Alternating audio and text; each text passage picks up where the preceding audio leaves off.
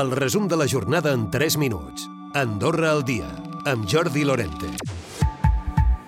La situació dels dipòsits d'aigua del país, amb l'excepció de la Massana, és bona, ho ha assegurat el ministre de Medi Ambient, Agricultura i Ramaderia, Guillem Casal, en la sessió del Consell General d'aquest dimecres.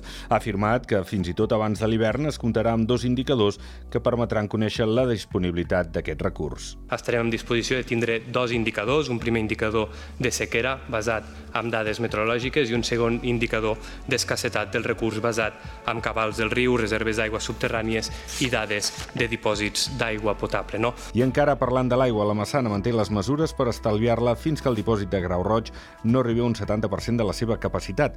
Aquest dimecres es trobava al 45,5%, 5 punts més que un dia abans, i malgrat que s'espera que les pluges millorin la situació, s'ha optat per seguir racionalitzant-ne al consum.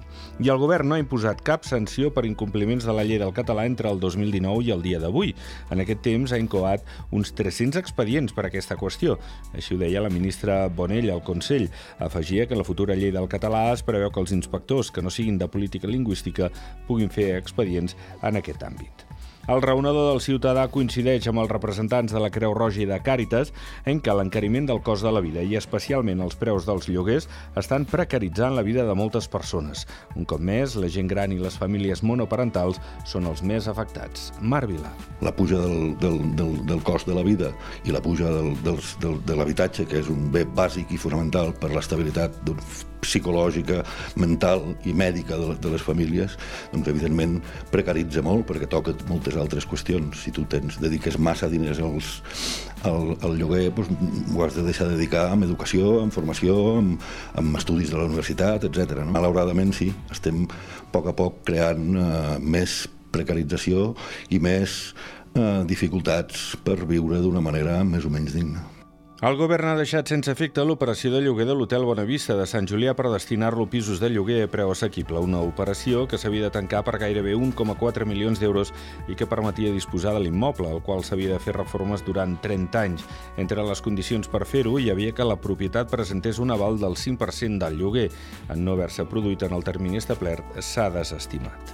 I almenys una trentena de treballadors peruans pateixen abusos laborals, però no ho denuncien per por a les conseqüències.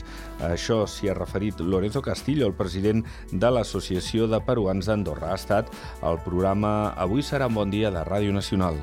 Si no son una, una treintena, una cuarentena que conozco, pero que no quieren aportar, ¿no? O sea, que alguna vez se me han, han venido y me han dicho, oye, mira, tengo este problema, hay este caso, te doy una captura de pantalla, se borra datos de ellos y, y al momento no quieren denunciar. ¿Por qué?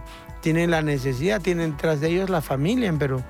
A prop del ple d'ocupació hotelera al cap de setmana del pont del Pilar a Espanya, entre dijous i dissabte, els establiments de la Unió Hotelera van superar el 93% i la mitjana de la setmana es va situar per sobre del 66%.